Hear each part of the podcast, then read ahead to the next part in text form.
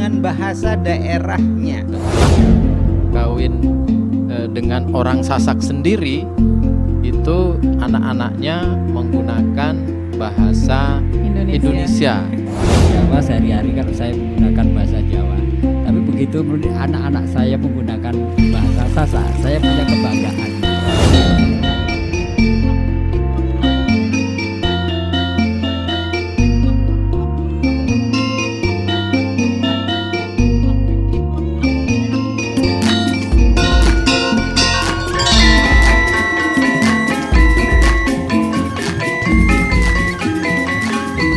Menjejakkan kaki di Pulau Lombok, mata dan raga kita seolah terpesona dengan cantiknya pulau kecil di timur Indonesia ini. Namun, seolah tak cukup dengan memanjakan penduduknya dan pelancong yang datang, Lombok semakin membuat kita terpukau dengan kekayaan tradisi budaya yang telah mengakar kuat sejak dahulu.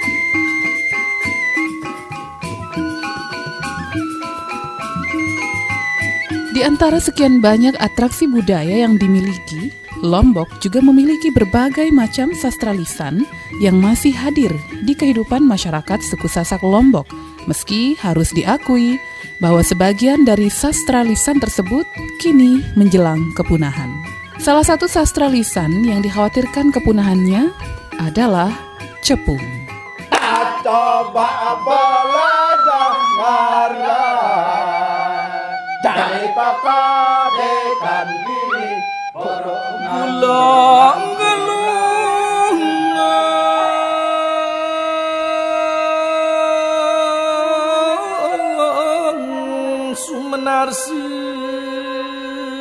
Sastra lisan ini hidup di zaman kerajaan dan biasa dilantunkan masyarakat suku Sasak secara berkelompok. Di masa kini, keberadaan seni bertutur ini semakin terpinggirkan oleh pesatnya arus informasi dan berbagai macam hiburan yang masuk. Padahal, Cepung pernah tampil dalam festival budaya di Jepang.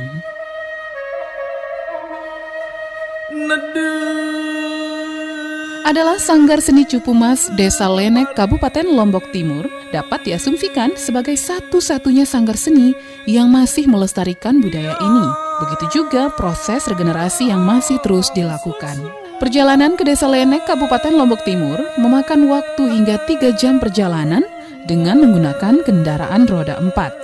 Menurut penuturan Bapak Mahyudin, Ketua Sanggar Cupumas, di masa lampau, cepung digunakan sebagai sarana mengkritik raja dengan cara yang humoris.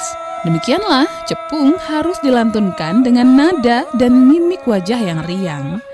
Hal ini dimaksudkan agar segala kritik kepada raja dapat disampaikan tanpa membuat murka raja. Kalau cepung ini dulu, keberadaan cepung itu di mana-mana sebenarnya ada dulu. Cuma terlalu cepat tidak ada.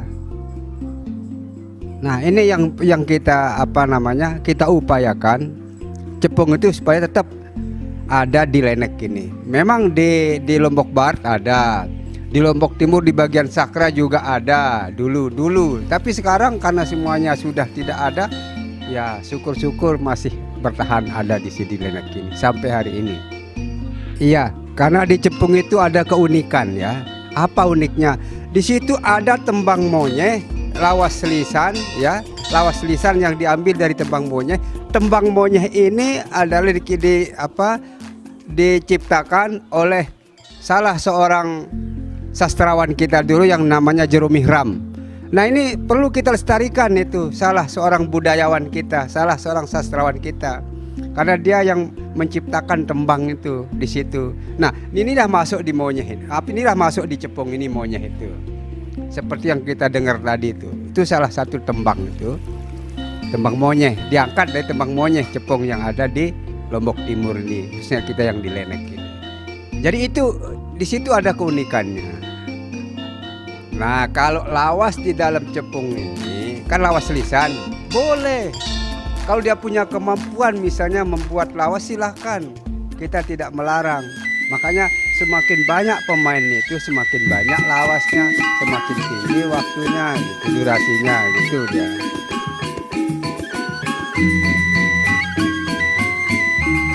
Sahabat budaya, selain cepung, suku Sasak Lombok masih memiliki sastra lisan lain yang keberadaannya masih ada hingga saat ini. Berbeda dengan keberadaan Cepung yang hampir punah, maka tradisi nembang atau tembang masih sering dilantunkan, terutama di acara-acara tertentu. Tembang adalah sastra lisan yang masuk ke Pulau Lombok pada abad ke-16 dan dibawa oleh para pendatang dari Jawa. Jadi tembang ini merupakan salah satu seni vokal dalam budaya Sasak gitu. Eh, ada namanya tembang itu pertama kali dikenal ya tembang Mhm. ini seni vokal. Kemudian ada namanya bekayat, ya. Mhm. kemudian ada namanya belaka, kemudian bekaya dan eh, belawas. Ya selain itu masih banyak lagi. Selain yang saya sebutkan ada lagi yang namanya becepung, Mhm. kemudian ada lagi namanya selakaran Iya. gitu. Iya. Kemudian ada lagi zikir, ya zikirnya pun berbeda di Berbeda. Tembang itu sudah mulai eksis ya sekitar abad 14. Tembang ini dibawa oleh saudara-saudara kita dulu dari Jawa waktu zaman bedol desa ya. Mhm. Oh ya. Jadi desa ya. banyak orang-orang Jawa di- itu datang ke Lombok. Mhm. Mereka tertarik setelah Lombok demikian terkenalnya begitu meletusnya Gunung Samalas dulu. Iya. Tahun 1257 itu kalau tidak salah.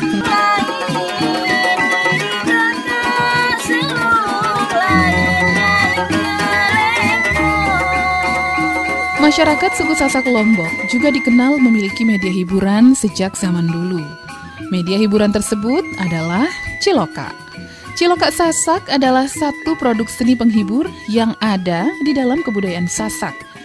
Yang pada dasar dari apa yang dinyanyikan adalah potret kondisi pribadi atau masyarakat dari tradisi pemikiran orang Sasak sendiri. Musik ciloka adalah permainan seperangkat alat musik tradisional seperti mandolin, biola, gendang, suling, jidur, kempul, dan rence untuk mengiringi lantunan lagu-lagu daerah berupa lagu kaya, yaitu jenis lagu daerah Lombok yang berisi nasihat-nasihat atau petuah-petuah berbentuk pantun. Sentuhan lagu-lagu dan irama musik Ciloka yang memiliki kekhasan tersendiri ini sangat digemari oleh masyarakat suku Sasak. Saat ini, musik Ciloka sudah berkembang di berbagai tempat di Pulau Lombok dan sampai saat ini masih eksis dan tetap digemari oleh masyarakat Sasak.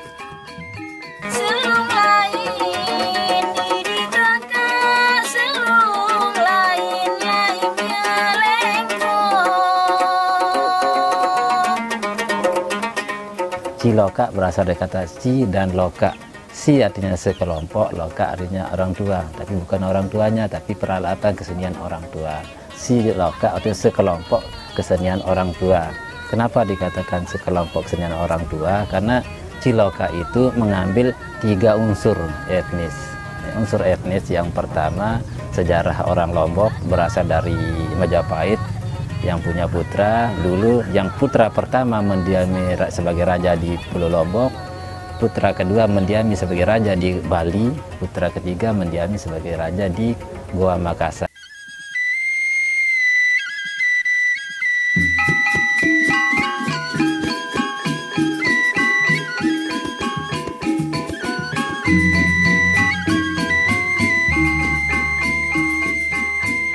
Sahabat budaya, setiap suku di Indonesia pasti memiliki kisahnya tersendiri.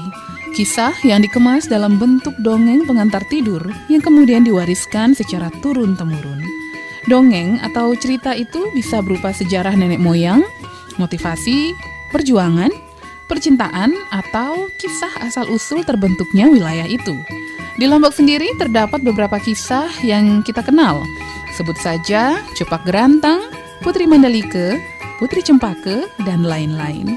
Oleh suku Sasak, tradisi mendongeng itu disebut dengan bewaran.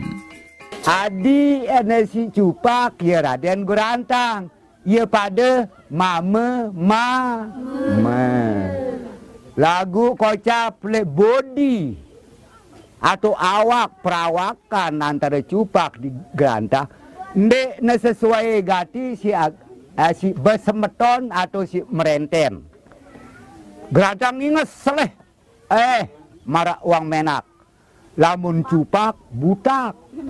Tongang, gigi ada dua. Ada dua tolak gigi cupak. Butak. Mak seri masih. Kini baik bulun. Si aran, eh, eh, cupak. Assalamualaikum warahmatullahi wabarakatuh. Selamat malam dan selamat berjumpa kembali sahabat budaya dan juga pemirsa RRI Net di mana pun Anda berada. Ya sahabat budaya kali ini saya Sari Wisudawati kembali menjumpai sahabat budaya dan juga pemirsa RRI Net dalam obrolan budaya langsung dari Kota Mataram. Nah sahabat budaya seperti yang kita ketahui Sastra lisan adalah warisan dari para leluhur kita yang bernilai luhur yang patut untuk kita kembangkan dan kita lestarikan bersama. Setiap daerah memiliki sastra lisannya tersendiri. Lalu bagaimana dengan sastra lisan yang ada di Pulau Lombok yang hidup di tengah-tengah masyarakat suku Sasak? Bagaimana masyarakat suku Sasak memanfaatkan sastra lisan tersebut dan bagaimana pula eksistensi dari sastra lisan tersebut di tengah-tengah kemajuan zaman. Hari ini, malam hari ini telah hadir bersama saya tiga orang narasumber kita. Bapak Saiful Bahri dari Kantor Bahasa Nusa Tenggara Barat. Selamat malam Bapak. Selamat malam Mbak Sari. Iya, selamat malam. Selamat malam, kemudian sahabat juga budaya. Ya, kemudian juga ada Mami Agus Fatur Rahman. Beliau ini juga tidak hanya sebagai seorang budayawan, tapi juga seorang penulis, begitu ya, Mami ya. Juga sudah ada beberapa lagu beliau yang bahkan sudah kita putarkan. Assalamualaikum, selamat malam, Bapak. Selamat malam, Assalamualaikum warahmatullahi wabarakatuh. Ya, dan terakhir ada Bapak Winsa dari Taman Budaya Nusa Tenggara Barat. Selamat malam, selamat berjumpa. Iya, baik sahabat budaya dan juga pemirsa RRI Net, sebelum le- lebih lanjut kita berbincang-bincang terkait dengan pelestarian sastra lisan Sasak ini sendiri, bagaimana juga pemanfaatan sastra lisan di tengah-tengah suku Sasak. Sebelumnya kita akan dengarkan dan simak terlebih dahulu atraksi cepung yang merupakan salah satu dari sekian banyak sastra lisan yang dimiliki oleh suku Sasak. Nah, cepung kali ini akan ditampilkan oleh teman-teman dari Sanggar Cupumas yang berada di Desa Lenek, Kabupaten Lombok Timur.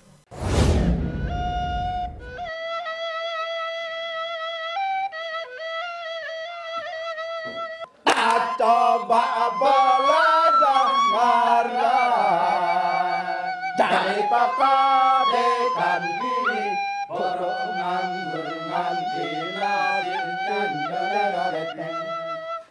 pondok karo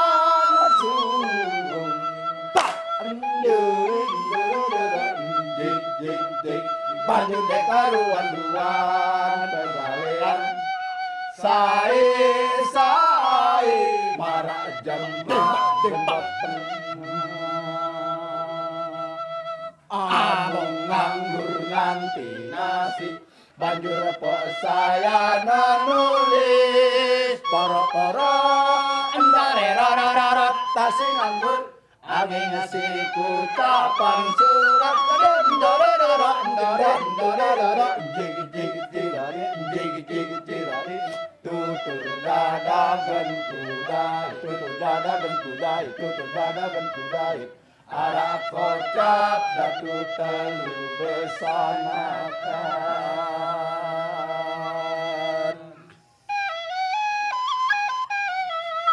Apa kandos kedokan di amarari? Apa kandos kedokan di amarari? Timun gantung kedokan di sambal bawang. Dereret timun gantung Dereret sambal bawang. Daka jauh lalang ai Daka jauh lalang ai Lamun untung datang do Didu dari dan derin dari dan derin dari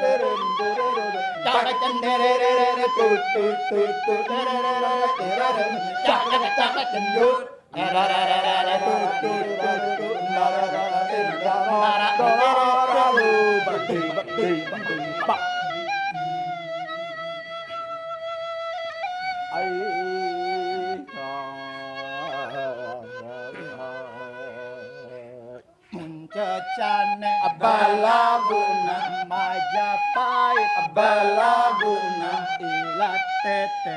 Balago na Olak tonga Balago na Tumben kane Balago na Kaboda. Tinta, tinta, tinta, tinta, tinta Tumben kane kaboda Kudede si dasar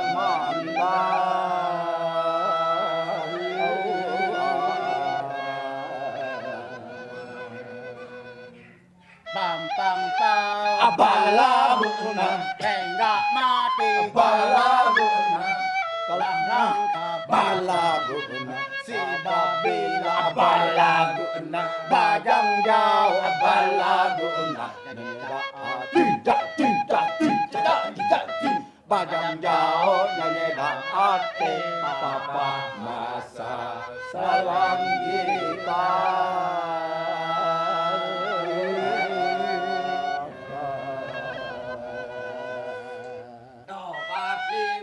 balaguna balaguna balaguna atas lama balaguna ojek sida balaguna tindak tindak tindak tindak ting tokol nangis. Kalau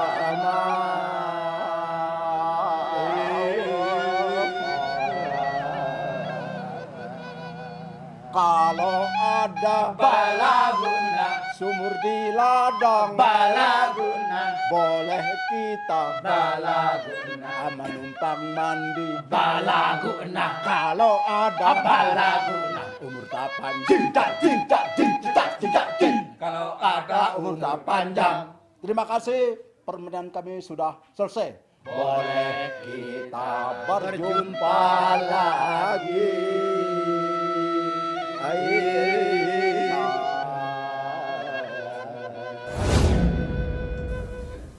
Iya, begitu tadi sudah kita saksikan, sudah kita dengarkan bersama atraksi dari Cepung yang merupakan salah satu sastra lisan dari Pulau Lombok, suku Sasak ya. Dengar-dengar ada yang sama nih dengan yang di Bali tapi namanya Cakepung. Nah ini akan kita bahas lebih lanjut terkait dengan sastra lisan. Saya ingin mendengarkan pendapat dari Pak Saiful Bahri dulu nih terkait dengan salah satu uh, sastra lisan yang ada di Pulau Lombok ya ini Cepung itu sendiri Pak. Ini uh, kalau saya bilang Cepung ini kan sudah sudah langka ya. Bahkan kami sendiri tim dari uh, RRI Mataram ini harus uh, menempuh perjalanan kurang lebih dua setengah sampai tiga jam saat itu untuk ketemu dengan teman-teman dari Sanggar Cupu Mas. Boleh cerita dulu sedikit Pak terkait dengan cepung ini? Uh, ya, uh, terima kasih di sahabat budaya. Uh, memang cepung ini sudah bisa dikatakan sudah sangat langka yang memainkannya.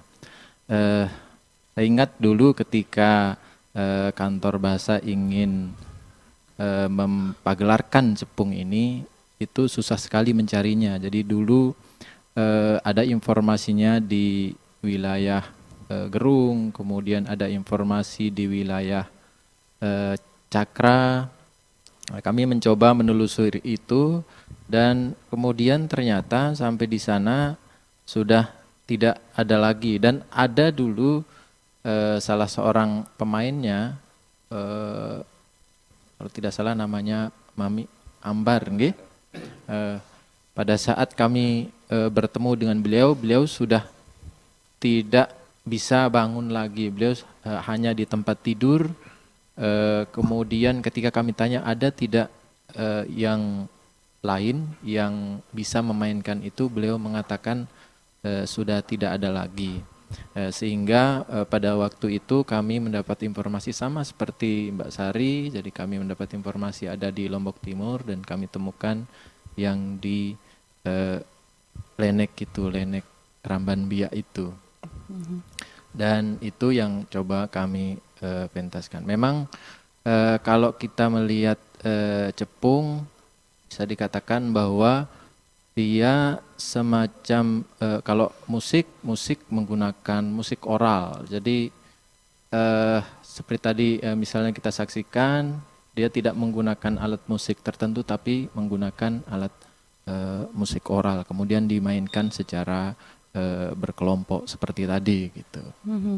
Oke, nah saya juga ingin tahu pendapat dari Mami Agus Fatur Rahman yang juga memang menurut pengamatan kami cukup aktif sekali dalam pelestarian sastra lisan. Mami sendiri bagaimana melihat perkembangan sastra lisan tradisional Sasak ini sendiri hingga di era modern seperti ini, Mi?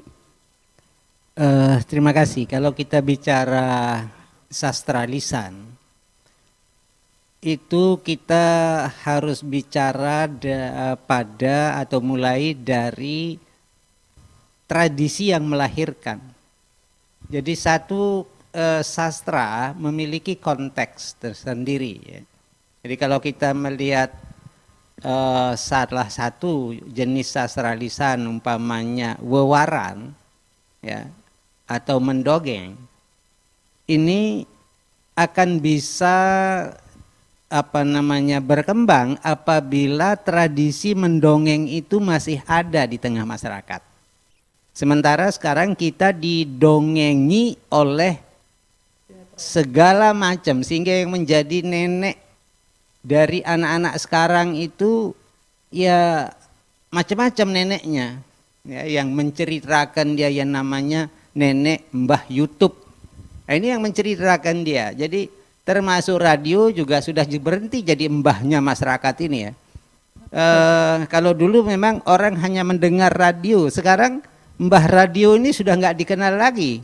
Ya yang dikenal ya mbah eh, Google, ya mbah TV juga sudah jarang sekarang gitu ya. Nah, kalau kita mau melestarikan itu kemudian harus dilestarikan tradisi yang menghidupkannya. Jadi kalau satu tradisi eh, mau kita lestarikan harus dikaitkan dengan ritual tertentu yang ber apa namanya yang yang memberi iklim pada sastra tradisi. Itu kita ambil contoh tadi. Yang contoh yang kedua ada tradisi sastra lisan yang namanya eh, berbalas pantun. Ya. Ini berbalas pantun satu tradisi sastra lisan yang sangat sangat tua dan sangat memasyarakat. Dan ini sangat mendidik ya. Mendidik kreativitas. Kenapa sekarang berbalas pantun ini hilang?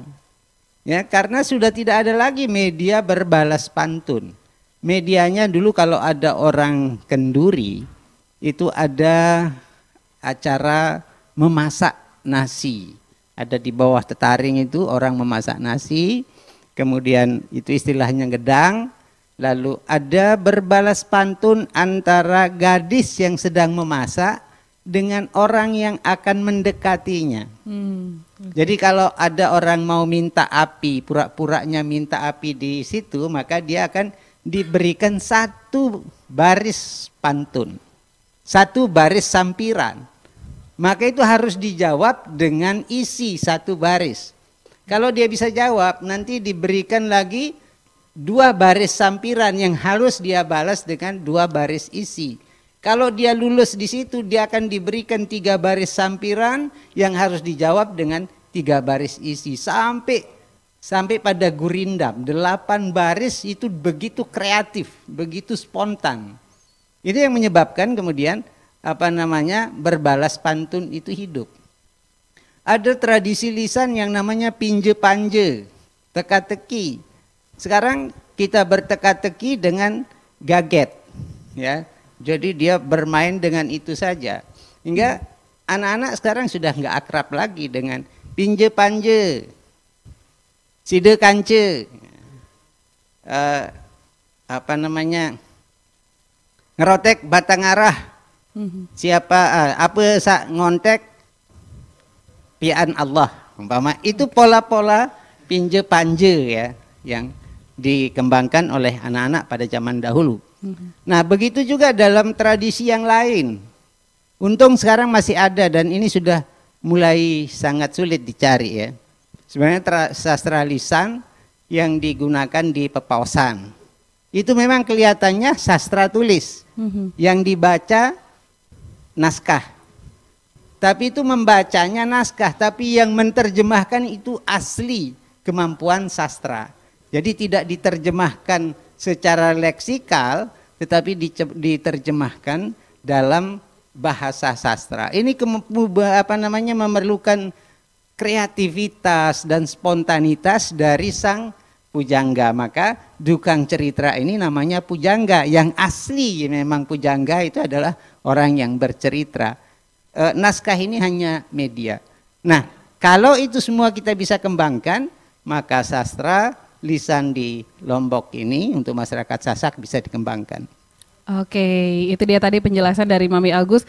Tapi nah ini sepertinya juga menjadi PR juga untuk eh, teman-teman dari Taman Budaya. Bagaimana nih Taman Budaya dengan segala program yang dimiliki, dengan SDM juga yang dimiliki, eh, bagaimana kemudian berupaya untuk mempertahankan setidaknya sastra lisan yang ada di Pulau Lombok. Karena tadi Mami Agus sendiri sudah mengatakan saingannya ini sudah eh, sudah bukan sesama manusia lagi begitu ya, tapi teknologi yang juga sudah menjadi saingan kita. Ada YouTube misalnya atau ada Google gitu kan. Nah, bagaimana eh, Taman Budaya sendiri berupaya untuk melestarikan sastra lisan yang kita miliki? Iya. Eh, kalau kita berbicara tentang pelestarian, tentu secara garis besar kita pilah menjadi dua. Pelestarian yang memang kita eh, pertahankan apa adanya atau apa aslinya eh, sebagaimana sudah ada selama ini dan eh, garis besar kedua adalah eh, pelestarian yang terkait dengan pengembangannya. Nah tentu saja eh, problem yang eh, apa kita hadapi yang sudah eh, apa digambarkan tadi, Taman Budaya berkepentingan untuk eh, melestarikan dalam dua dimensi tadi. Satu melestarikan apa adanya sesuai dengan apa adanya, yang kedua pengembangan. Memang pada eh, akhir-akhir ini kita titik beratnya lebih pada pelestarian dalam konteks pengembangannya. Ini eh, kaitannya juga untuk sebagai jembatan untuk generasi-generasi yang ada sekarang untuk bisa masuk eh, ke pelestarian yang eh, sebenarnya gitu. Banyak eh, bentuk atau banyak hal yang eh, dilakukan eh, untuk menjaga sastra lisan ini. Katakanlah tadi misalnya eh, sastra lisan wewarah atau dongeng. Itu eh, kalau asli dari dongeng itu pada zamannya dongeng itu ya lebih lebih apa yang kita kenal itu memang itu cerita dari apa ibu kita atau nenek kita ketika kita mau tidur ketika waktu masih kecil. Oleh sebab itu apa eh, tidak apa karena kita mau tidur kemudian didongengkan si pendongeng tidak perlu menggunakan apa panggung, tidak perlu menggunakan apa properti atau tidak menggunakan acting yang berlebihan gitu. Sambil sesama tidur eh, berbaring kemudian mendongeng. Nah, dalam konteks sekarang dalam konteks eh, eh, taman budaya sebagai sebagai apa ruang berkesenian dalam konteks untuk melestarikan sastra lisan ini tadi katakanlah menghadirkan dongeng ya kita wujudkan dalam apa bentuk yang yang baru. Misalnya dengan pertunjukan teater atau apa pertunjukan tari atau pertunjukan musik dan seterusnya. Jadi apa pengembangan itulah yang harus eh, kita lakukan terus menerus Iya, kalau berbicara dongeng, pemirsa RR ini rasanya kita dulu zaman-zaman kita masih kecil itu nggak akan tidur sebelum didongengkan. Saya sendiri nih eh, salah satu produk dongeng juga sih sebenarnya. Jadi kalau kecil dulu bapak saya tuh sebelum tidur selalu cerita tentang eh, tuntel dan juga tegodet-godet. itu wajib kayaknya itu dongeng wajib untuk masyarakat suku Sasak. Tapi sebenarnya apa sih sebenarnya eh, masyarakat suku Sasak dulu ini memanfaatkan sastra lisan ini eh, sebagai apa sebenarnya kalau di zaman dulu? Ke Mami Agus dulu kayaknya yang mau menjawab. Silahkan Mi. Oke.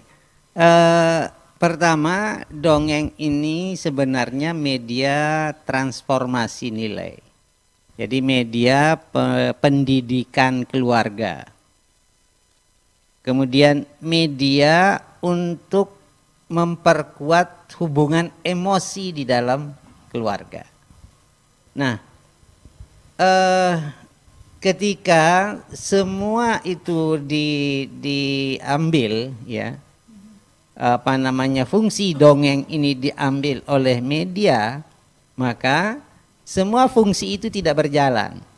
Transformasi nilai keluarga tidak jalan kemudian pengikatan hubungan emosi keluarga menjadi tidak jalan eh, apa namanya sebagai wadah pendidikan juga tidak jalan yang juga agak agak riskan kita akan bicara tentang pelestarian sastra lisan ini adalah persoalan bahasa. Yang dinamakan sastra lisan tradisi pasti menggunakan bahasa daerah. Ya. Persoalannya sekarang kita semakin jauh, anak-anak kita ini semakin jauh dengan bahasa daerahnya. Jangankan anak-anaknya, orang tuanya sudah semakin jauh dari bahasa daerahnya. Jadi kalau bahasa daerah sendiri mati, yang mau kita harapkan kemudian apa? Tidak ada lagi yang namanya sastra lisan, Lisan. dalam tradisi kelisanan. Itu tidak ada lagi. Ya. Sehingga apa segala fungsi tadi, fungsi pelestarian bahasa, fungsi transformasi la- nilai, fungsi edukasi, kemudian fungsi perekat keluarga semuanya akan hilang, maka apa yang kita harapkan dari si, eh, kondisi bangsa atau bermasyarakat seperti ini dalam rangka penanaman nilai. Oke, bahasa daerah. Saya kalau berbicara eh, mengenai bahasa itu kita langsung saja ke Bapak Saiful Bahri. Ini eh, apakah memang betul-betul bahasa atau mungkin pemahaman tentang bahasa daerah kita karena terkait dengan sastra lisan ini betul-betul menjadi faktor penentu lestari tidak lestarinya sebuah sastra lisan. Ya, eh, seperti tadi dikatakan oleh Mami, memang ketika berbicara sastra lisan, maka yang digunakan di sana adalah bahasa daerah. Nah, itu merupakan eh, salah satu ciri eh, dikatakan sebagai eh, sastra lisan. Memang eh, permasalahannya seperti tadi, ketika eh, banyak sekali eh, orang-orang yang misalnya kawin campur dan malah kawin eh, dengan orang Sasak sendiri itu anak-anaknya menggunakan bahasa Indonesia. Indonesia. Tidak lagi menggunakan bahasa Sasak. Misalnya karena mungkin dia tinggal di eh, kompleks gitu ya. Kalau di eh, perkampungan mungkin eh, masih masih bisa kita lihat anak-anak menggunakan eh, bahasa daerah itu. Nah, Oke. itu yang menjadi permasalahan ketika bahasa daerah itu sudah tidak digunakan lagi gitu. Eh, apakah boleh saya potong sebentar Pak? Apakah kemudian ini eh, tidak kemudian memunculkan em, pemikiran di tengah-tengah masyarakat kita, oh kalau pakai bahasa daerah kampung dong, gitu kan nanti jatuhnya Pak. Akan tidak akan kemudian nanti eh, bukan nanti ya kalau ya memang harus kita akui suka tidak suka, benar tidak benar bahwa memang saya sendiri mengalami pandangan-pandangan orang, oh kalau pakai bahasa daerah tuh ah kampung ah desa gitu kan ini eh, apakah juga menjadi salah satu faktor pak bahasa daerah semakin terpinggirkan Iya, itu itu menjadi salah satu sering sering eh, menjadi eh, pandangan banyak masyarakat seperti itu. Eh, kalau saya melihat melihat dari awal juga eh, dulu memang ketika orang belajar eh, bahasa Indonesia dengan harapan nanti ketika eh, sekolah dia sudah tidak begitu canggung lagi menggunakan eh, bahasa Indonesia itu dulu. Tapi eh, sekarang kan kondisinya bah penggunaan bahasa Indonesia itu dengan berbagai eh, media termasuk televisi di banyak media bisa kita eh, temukan bahasa Indonesia lagi. Jadi sebenarnya tidak ada kekhawatiran kita untuk eh, tidak menggunakan bahasa daerah pada anak-anak dengan hawa- kekhawatiran tadi nanti setelah sekolah mereka bisa lancar gitu. loh. Artinya eh, dengan mereka di televisi di banyak media pun menggunakan eh, bahasa Indonesia, artinya bisa eh, belajar dari sana juga gitu. Eh, alasan bahwa eh, bahasa daerah itu eh, apa namanya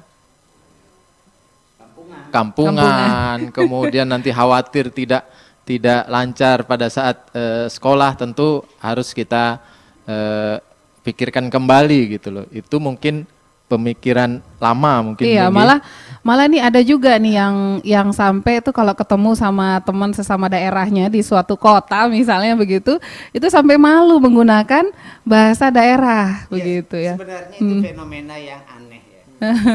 fenomena aneh. Dalam pengertian begini. Itu adalah fenomena keterbelakangan justru.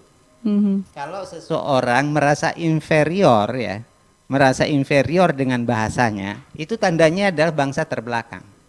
Oke. Nah, eh, kalau kita lihat Mas Winsa, eh, masa Mas Winsa ini orang kampung, orang kelapa, terbelakang kan enggak. Dia bicara bahasa Jawa di mana saja, ya.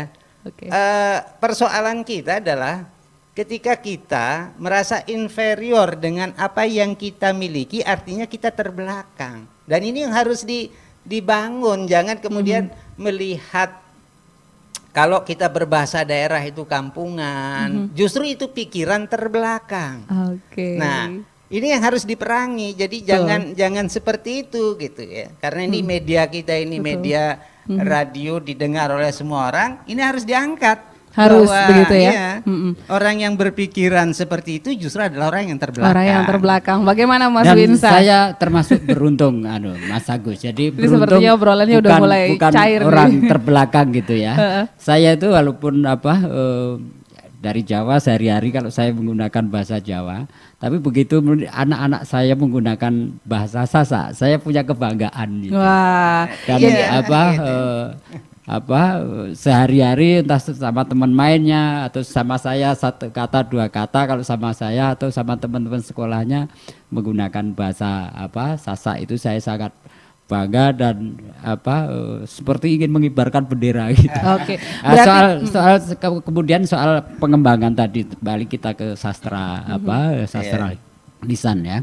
Eh, justru pengembangan ini kita buka apa segala kemungkinan untuk bisa apa eh, menjaga sastra sastra lisan ini dalam dalam dimensi yang walaupun berbeda sebenarnya akar yang akan kita jaga itu akar apa sastra lisan itu Iya. sastra lisan yang memang ada di tradisi kita, ada di apa bahkan di lingkungan kita sehari-hari mungkin ada gitu apa eh, sastra itu lah. Eh, justru eh, untuk menjaga itu sekali lagi pengembangan ini banyak banyak hal. Dulu ketika Pak Agus ini jadi kepala Taman Kepala Taman Budaya, Budaya. sempat kita ada event festival sastra pertunjukan misalnya. Nah, itu dia itu makanya. nasional itu. Mhm. Jadi itu nasional dan itu bisa terselenggara dengan baik. Memang memang waktu itu ada perdebatan sastra itu ya masa sas- lisan itu dibilang sastra atau harus tulis itu itu kita kesampingkan.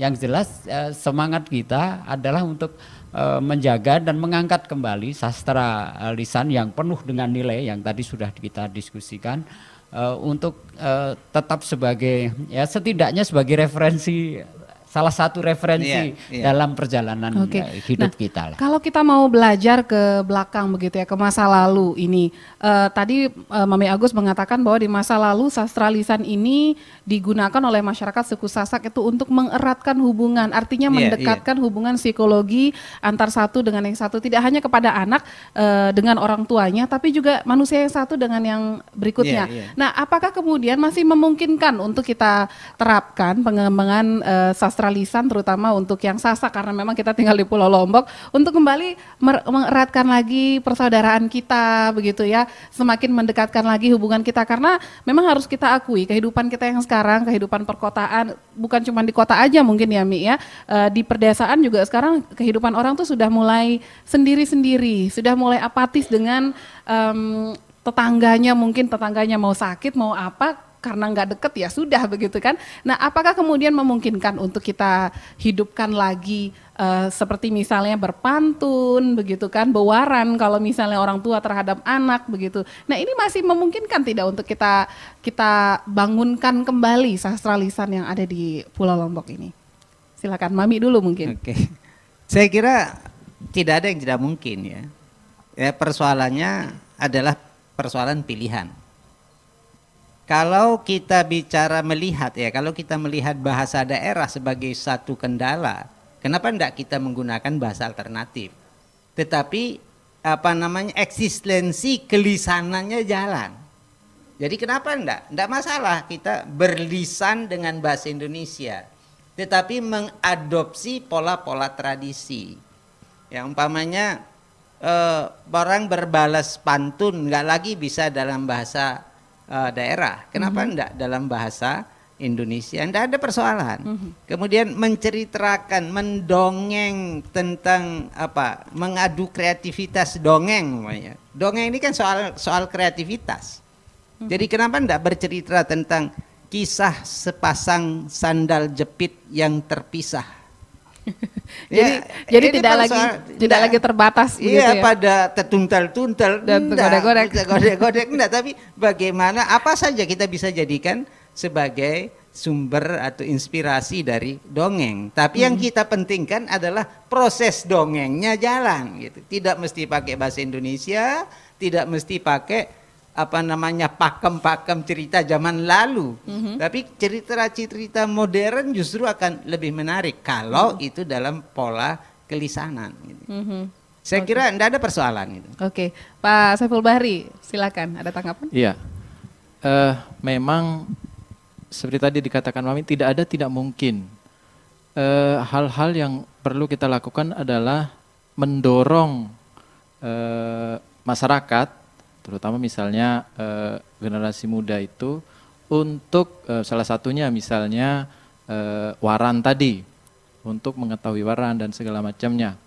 Eh, misalnya dengan eh, mengadakan lomba menulis dongeng misalnya. Jadi mau tidak mau eh, anak-anak itu akan mencari secara tidak langsung dia akan bertanya kepada eh, orang tuanya bahwa saya ingin menulis dongeng kemudian eh, dongeng-dongeng apa saja. Jadi dia tahu. Tapi persoalannya kan tidak jadi tidak jadi ter, apa namanya sastra lisan itu menjadi Ya. sastra tulis gitu. Oke, Iya. oke. Artinya artinya paling tidak sudah sudah ada upaya kemudian ke arah lebih jauh nanti ke arah pendokumentasian kan. Karena tidak semua eh, bisa kita eh, hidupkan seperti dulunya. Mhm. Kalau bisa kita hidupkan de- dengan seperti dulunya atau atau memodifikasi eh, menjadi yang yang dengan kondisi disesuaikan dengan kondisi sekarang ya, tidak masalah jadi. Tapi kalau eh, tidak bisa sama sekali paling tidak kita bisa mendokumentasikannya Eh, dengan harapan nanti berikutnya mereka tahu bahwa eh, ada waran ini di Lombok, kemudian ada sastra lisan ini di Lombok dulu gitu. Jadi mereka mereka tahu pada untuk generasi berikutnya. Oke, kalau kita misalnya mau berbicara mengenai eh, sastra lisan tradisional Sasak begitu ya Mi ya, kan artinya eh, yang disampaikan juga harus dalam bahasa Sasak karena ya namanya saja sastra lisan tradisional Sasak. Tapi kalau misalnya disampaikan dalam bahasa Indonesia tadi kata Mami, eh, tidakkah juga kemudian itu nanti eh, lama kelamaan akan menghilangkan eh, esensi bahkan mungkin mengikis bahasa Sasak itu sendiri Mi? Eh, kalau saya saya melihat sesuatu tidak bisa dipaksakan ya. Sekarang ya eh, kita memaksakan anak kita untuk bisa berbahasa untuk menggunakan bahasa, Bahasa Sasak, Sasak. ya. Tapi di lingkungannya hal ini tidak aplikatif gitu ya. Dia kuasai bahasa Sasak tapi di lingkungannya enggak enggak ada yang menggunakan itu. Itu satu ya. Yang kedua yang kita bicarakan ini kan tradisi lisan. Mhm. Jadi yang kita gunakan adalah lisan. ya. Oke. Jadi jangan membatasi kata tradisi itu dengan satu batasan entitas etnik gitu ya. Oke. Tapi ini tradisi. Jadi kalau kita bicara Mas Winsa ini memang tradisinya dia tradisi lisan. Kalau disuruh baca dia males. Tapi suruh bercerita, yo hebat dia. Tapi karena dia tradisinya tradisi lisannya. Saya ini penulis. Kalau saya disuruh bercerita, enggak pas karena saya di tradisi saya tradisi tulis. Nah, tapi dalam konteks ini kita bicara tadi ya ini dalam konteks kredonya ya, kredo apa namanya kesastraannya, maka tradisi lisan atau sastra lisan adalah sastra yang dilisankan dengan berbasis bahasa dan tradisi lokal. Nah, Artinya sesuatu itu tidak mungkin kita bisa memperpa, apa namanya me- me- menghalangi kematiannya. Mhm. Tidak mungkin. Paling jauh usaha kita adalah memperpanjang umurnya. Kalau dia mati dia pasti mati lah. Mhm. Ya, karena sudah tidak ada lagi orang dengar cerita, tidak ada lagi menggunakan bahasa. Tapi sejauh ini kita bisa memperpanjang umurnya. Nah, salah satu upaya untuk memperpanjang umurnya adalah dokumentasi tadi. Ya, dokumentasi. Cuman persoalannya sekarang, mampukah kita mendokumentasi secara komprehensif? Artinya sastra lisan itu ditulis dengan dan da- menggunakan bahasa daerah. Nah, ini kan persoalan lagi. Oke. Ketika ditulis dalam bahasa bahasa Indonesia, dia sudah menjadi sastra, sastra tulis, Sastra bukan tulis bukan tradisi. lagi sastra lisan. Ya, sastra lisan. Saya kira ayo, itu. ayo Pak Winsa gimana nih? Mau menggunakan belum- bahasa belum- daerah, ada tidak yang membacanya lagi nanti? Oke, oke. Persoalan lagi. Oke, Iya, berarti belum ya. lagi rumit nanti kalau bahasa daerah itu berarti kan menggunakan huruf Huruf daerah. Oke, berarti kita harus apa dong kemajuan zaman? Kan kita ingin mempertahankan tradisi kita, kita ingin mempertahankan bahasa daerah kita supaya tetap berkembang, tapi juga apakah kemudian kita menyerah dengan kemajuan zaman seperti itu? Oke, kalau misalnya em, eh, tadi eh, haruskah kita oh ya sudah memang sudah zaman karena haruskah kita menyerah pada pada zaman ini sehingga akhirnya ya sudahlah begitu loh. Ya enggak Gimana? lah. Kalau apa eh, kalau kita cepat menyerah ya termasuk enggak perlulah ada acara ini. ya ini adalah salah satu usaha kita untuk eh, semakin memperkenalkan Iya, sahabat Iya. budaya dan juga Jadi, pemirsa apa, RRI eh, memang banyak banyak hal ya yang apa tadi sudah diceritakan banyak sekali seolah-olah hambatan kok banyak sekali gitu. Tapi apa saya apa masihlah apa untuk eh, menjaga optimisme gitu. Jadi eh, sekecil apa pun yang kita lakukan itu pasti eh, Ada bermanfaatnya. dan ya. tentu akan berkontribusi soal itu memperpanjang usia sampai berapa lama atau menjaga eh, ke- kematiannya gitu.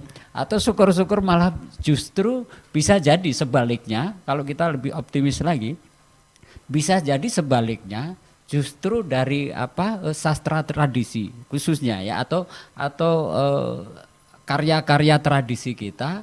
Kalau kita apa kita eh, serius menjaganya kemudian mengembangkannya tidak menutup kemungkinan justru akan lahir tradisi baru gitu. Akan ada eh, nanti kebudayaan baru yang apa kita gali eh, dari dari akar tradisi yang sudah ada gitu. Ya tentu saja ini apa eh, tidak tidak waktu yang pendek, tidak bisa instan apa ini memang perlu perjalanan panjang bahkan mungkin dari generasi ke generasi gitu. Tapi kemungkinan untuk apa untuk eh, bisa terjaga masih sangat terbuka. Masih lebar. sangat terbuka. Artinya memang eh, sampai saat ini tadi saya pegang kata-katanya Pak Winsa eh, kemungkinan untuk terjaga lestari masih terbuka lebar. Salah satu faktornya apa Pak? Ya apa eh, di tengah apa, hiruk pikuk eh, teknologi digital misalnya di tengah hiruk pikuknya merek Masih ada taman merek- budaya lah. Berarti ada taman budaya. merek HP yang bertebaran gitu Oke, masih masih adalah kantong-kantong apa saya nggak usah secara Masih ada RRI taman juga. budaya. banyak apa ruang-ruang yang apa eh, bisa kita kita optimalkan bukan hanya lembaga-lembaga formal semacam Taman Mhm. Budaya atau RRI gitu tetapi banyak kantong budaya lepas yang memang itu tempat untuk apa eh, mengolah tempat untuk apa eh, eh, mengembangkan untuk membuka lebih jauh apa jalan ke depan itu.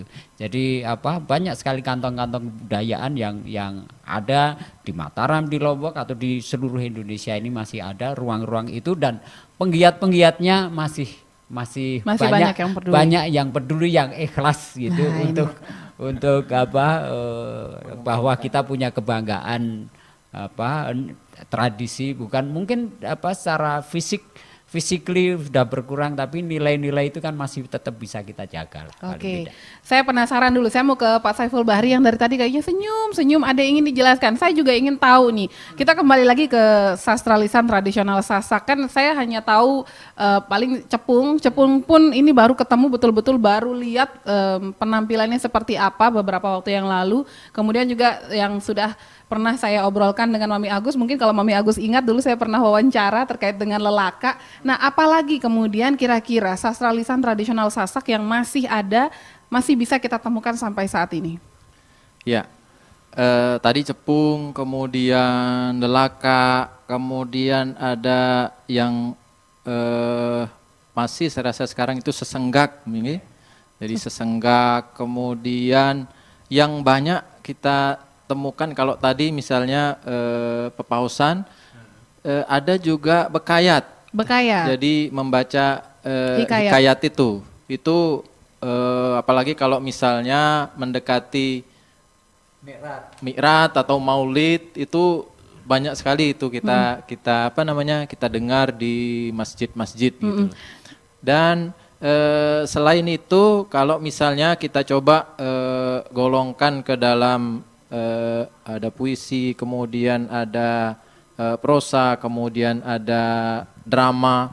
Saya rasa eh, penggolongan-penggolongan masing-masing itu masih ada juga di Masih ada. di di sasak jadi bentuk puisi seperti tadi ada laka, ada Ada eh, bekayat. ada apa tadi Mi?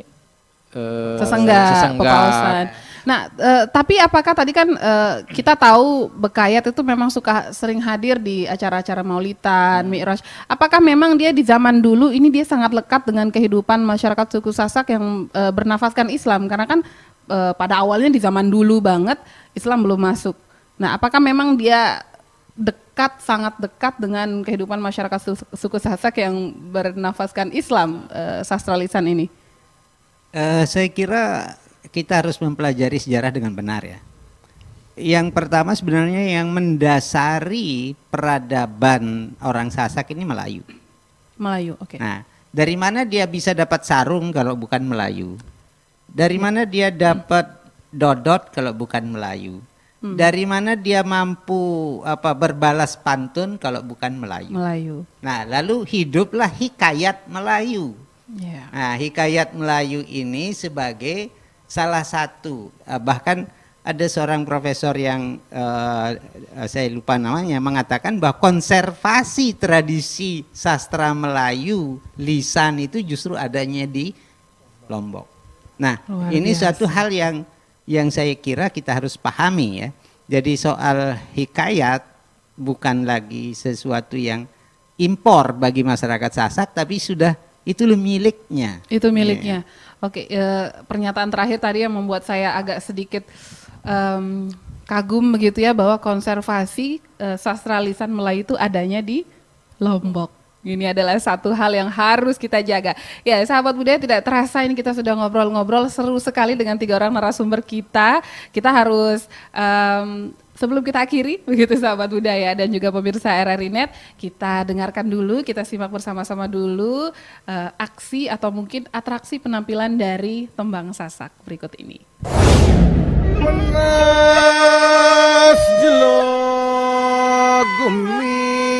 sasat